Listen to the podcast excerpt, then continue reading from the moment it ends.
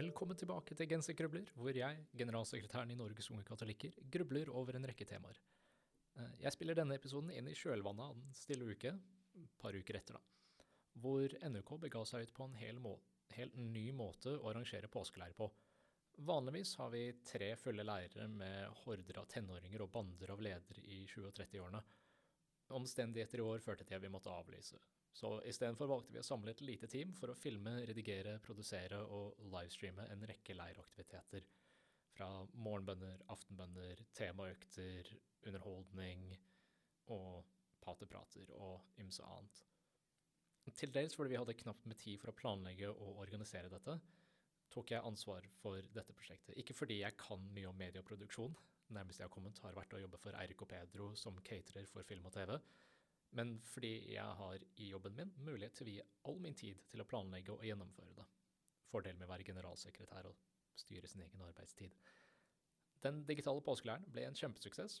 NUK klarte å gjennomføre noe vi aldri har gjort før, og vi gjorde en utrolig god jobb. Jeg er utrolig stolt over teamet som var med på Maria Holm og gjorde dette, og jobbet utrettelig for å avvikle alt sammen. Men uken etter den stille uke, så hadde jeg egentlig en utrolig tung uke. Jeg burde ha følt veldig oppløftet av det vi fikk til, men det gjorde jeg ikke. Hvorfor? Det er todelt svar på det her. Og en liten disclaimer er egentlig at dette er en episode hvor den engelske versjonen av episoden er mye lettere for meg å gjøre enn den norske, for nå snakker man egentlig om ganske mye personlige refleksjoner og slikt, og engelsk er mye mer naturlig språk å uttrykke meg på. Så hvis dere hører på den engelske versjonen, så er nok den litt mer fin flyt i det. Det føles veldig unaturlig å snakke på norsk her for meg. Men hvorfor følte jeg meg litt nedfor etter en utrolig vellykket uke på Maria Holm med et fantastisk opplegg, med et fantastisk team? Det er et todelt svar. En, hele opplegget, hele prosjektet, eh, endte i at jeg jobbet på høygir i halvannen uke.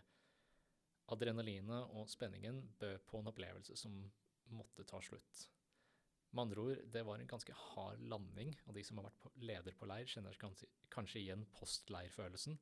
Du har vært på en skikkelig høyde i en uke, og så er det bare hard landing når du kommer hjem, eh, og du må venne deg til livet utenfor leirboblen igjen. Jeg hadde jo tilbrakt en uke med dedikerte, entusiastiske og flotte mennesker som jobbet mot dette felles målet vi hadde om digital påskeleir. Det er rart å komme tilbake til hverdagen. Del to av svaret, som er hovedfokuset for denne episoden, er byrden av å være en leder. I tidligere episoder har jeg snakket om hvordan lederskap krever at man bruker alle sine egenskaper med den sammensetningen som er helt unik for deg. Som jeg sa på slutten av episoden om legfolkets apostolat, innrikt i situasjonen til rett tid med de rette personene til stede, kan man utvise lederskap gjennom sine styrker og evner. Men akkurat som når man trener, man vil bli sliten til slutt. Det er derfor vi må snakke om det. Hvis vi skal være gode ledere, må vi være bevisst på skyggesidene og fallgruvene som skjuler seg. La oss rive bort sløret og se baksiden av lederskap, når heder og ære og privilegier svinner hen. For å utforske dette kommer jeg til å bruke to bilder som ofte dukker opp når man snakker om lederskap. Eh, pyramider.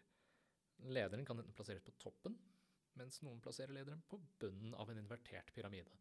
Enten står du på toppen med et solid fundament, eller så bærer du hele strukturen på skuldrene dine. Det sistnevnte høres kanskje gjenkjennelig ut for de som forstår lederskap som tjeneste. Som vanlig, jeg skal ikke påstå at den ene forståelsen er bedre enn den andre, men de byr på ulike perspektiv. La oss begynne med modellen hvor lederen er på toppen av pyramiden. Hvordan når man toppen?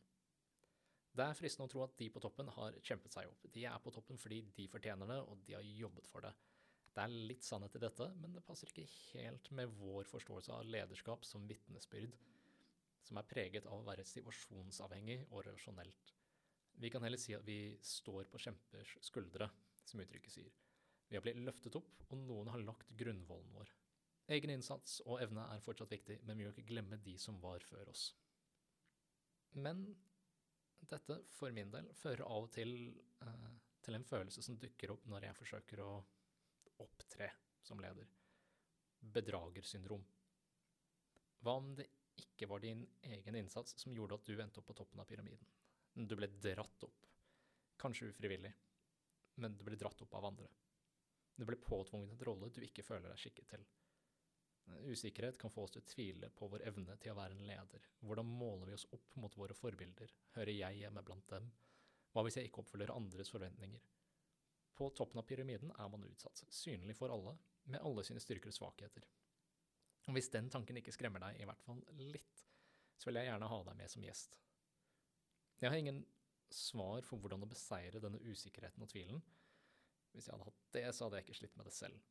Jeg stiller ofte spørsmålet hvorfor meg, hvorfor ikke noen andre? Og noen dager føles det som jeg har et svar, eh, andre dager kan jeg ikke fatte og begripe noe fornuftig. Sagt på et annet vis, når du er på toppen av pyramiden, kan man bli litt svimmel av høyden. Jeg for min del er egentlig ikke veldig glad i høyder. Mm, for min del prøver jeg å huske på de som har løftet meg opp. Eh, jeg prøver å huske at de ikke er tilbøyelige til å kaste meg ned igjen. Som NUKs leder, Katrine Eskevel, sa i et intervju eh, en ukes tid siden, stol på de som stoler på deg. Det er kanskje én fordel av å jobbe i en barne- og ungdomsorganisasjon. Det er ikke mange som kniver om makten og forsøker å motarbeide deg. Av og til befinner vi oss på toppen. Fordelen med dette er at det gir oss perspektiv. Husk at på rett sted til rett tid så er din unike kombinasjon av egenskaper, evner og talenter det som gjør at du kan utøve lederskap. Med andre ord, du har et perspektiv ingen andre har. Fra det perspektivet kan du skue terrenget og stake ut en kurs. Men det er en annen fare ved å være på toppen.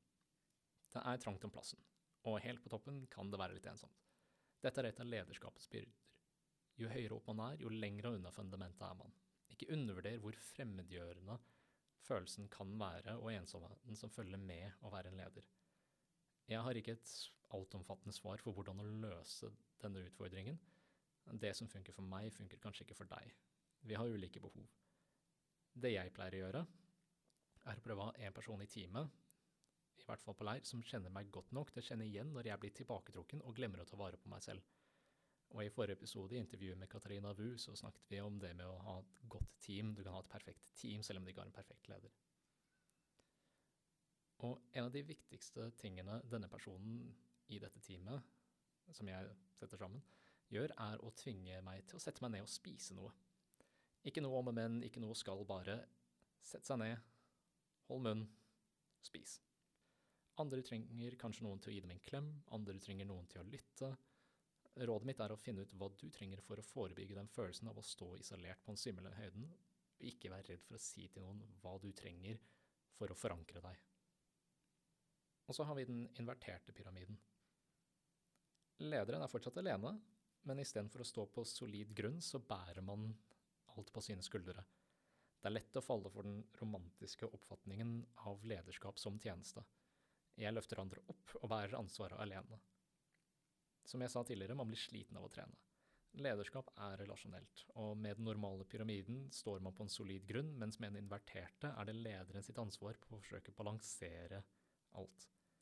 Det er fristende å tro at det vi vil ha fra lederne våre, er en som ser våre behov og tar oss av dem. Og mens lederen på toppen av pyramiden kan miste synet av det, så renner de ned den inverterte pyramiden som en trakt rett ned personen på bunnen. Hvis man tenker seg om, er det egentlig noe bra i modellen med den inverterte pyramiden? Er det noe som frister deg til å være leder med den forståelsen? Du er på bånn, bærer en enorm byrde, nedtynget av forventninger og krav, og trykket blir større og større, nok til å miste pusten av. På et sett og vis så var uken etter den digitale påskeleiren for min del ikke en nedtur fra en helt utrolig topp. Det var et trykk som lettet og lot meg endelig trekke pusten. Er det da noe bra med den måten å forstå lederskap på? Jeg kommer på tre ting. Én, og dette er noe enhver person som har løftet vekter kan fortelle deg, det er herlig å kunne sette ned vekta og innse at man har satt en ny personlig rekord. Den følelsen er helt og holdent din fortjeneste. To, når man er på toppen av pyramiden, så kan man glemme fundamentet sitt. Men det kan man ikke når man har følelsen av å bære det med seg. Til slutt kan man finne glede i å ha båret noen stykker på veien. Det er viktig å huske at lederskap er situasjonsavhengig. Det er ikke noe du må gjøre hele tiden. Av og til kan du ta av deg lederhatten og slappe av.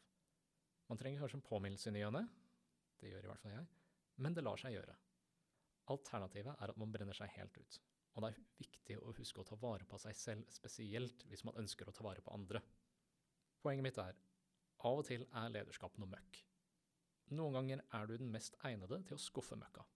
Det betyr ikke at du må like det. Vi har våre styrker og svakheter, og vi har skjulte styrker og svakheter. Alle har usikkerheter.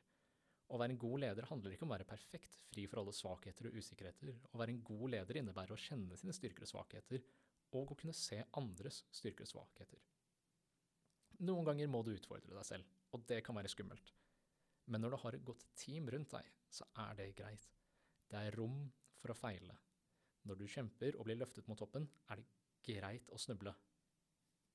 Når det blir for tungt, er det greit å be om hjelp, eller å legge byrden fra seg. Da jeg begynte som generalsekretær, hadde jeg en samtale med en venn, og vedkommende bemerket at en av utfordringene mine kom til å være å justere forventningene mine. Der og da trodde jeg det var snakk om mine forventninger til andre, men personen mente faktisk mine egne forventninger til meg selv.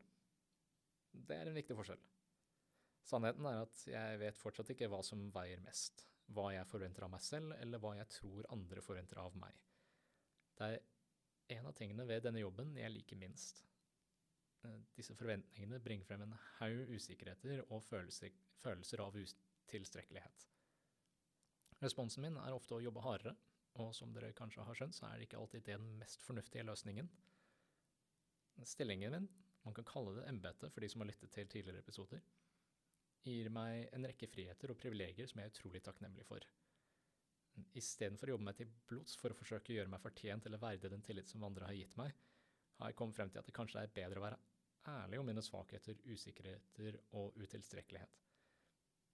Lederskap er situasjonsavhengig, så jeg har lov til å ta meg fri en gang iblant. Det er flere som minner meg på dette, så jeg må nok bli flinkere til å lytte.